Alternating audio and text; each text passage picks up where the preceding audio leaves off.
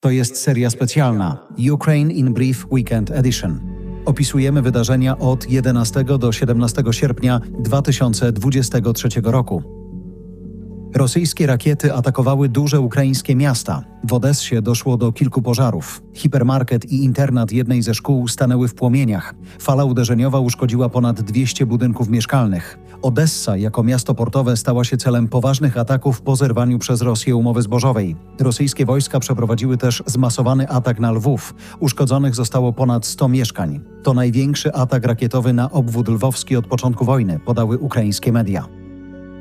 Ogień dosięgnął też tereny Rosji. Przez kilka dni nad obwodem moskiewskim pojawiały się drony. W rosyjskiej stolicy było słychać eksplozje. Lokalne władze potwierdziły, że jeden z dronów spadł na miasto. W mieście Odińcowo pod Moskwą wybuchł potężny pożar magazynu. Ogień objął 2000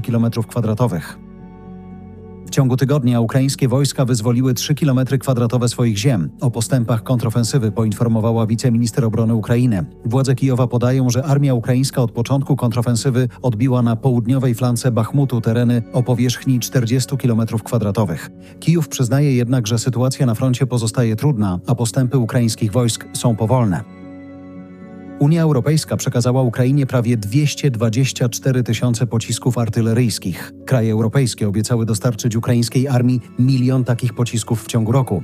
Unia ma przeznaczyć łącznie 2 miliardy euro na produkcję nowych pocisków i ich zakup z istniejących zapasów. Oprócz tego Komisja Europejska zdecydowała, że przekaże Ukrainie i Mołdawii 135 milionów euro. Pieniądze pierwotnie były przeznaczone dla Rosji i Białorusi w ramach europejskiej współpracy terytorialnej.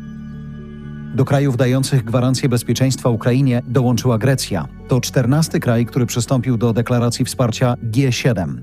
Ukraina rozpoczęła też negocjacje z Wielką Brytanią. Podobne rozmowy prowadzone są też z USA.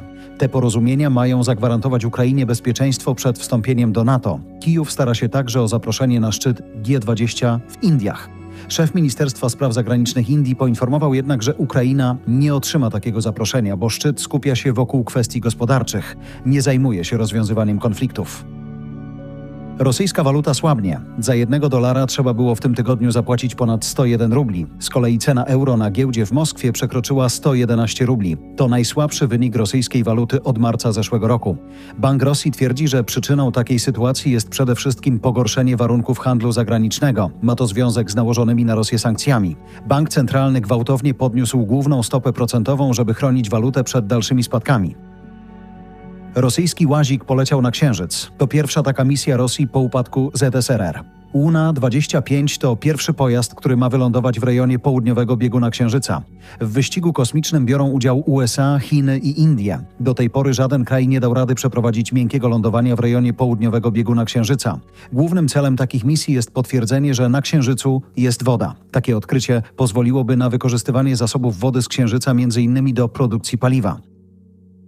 To była seria specjalna Ukraine in Brief Weekend Edition.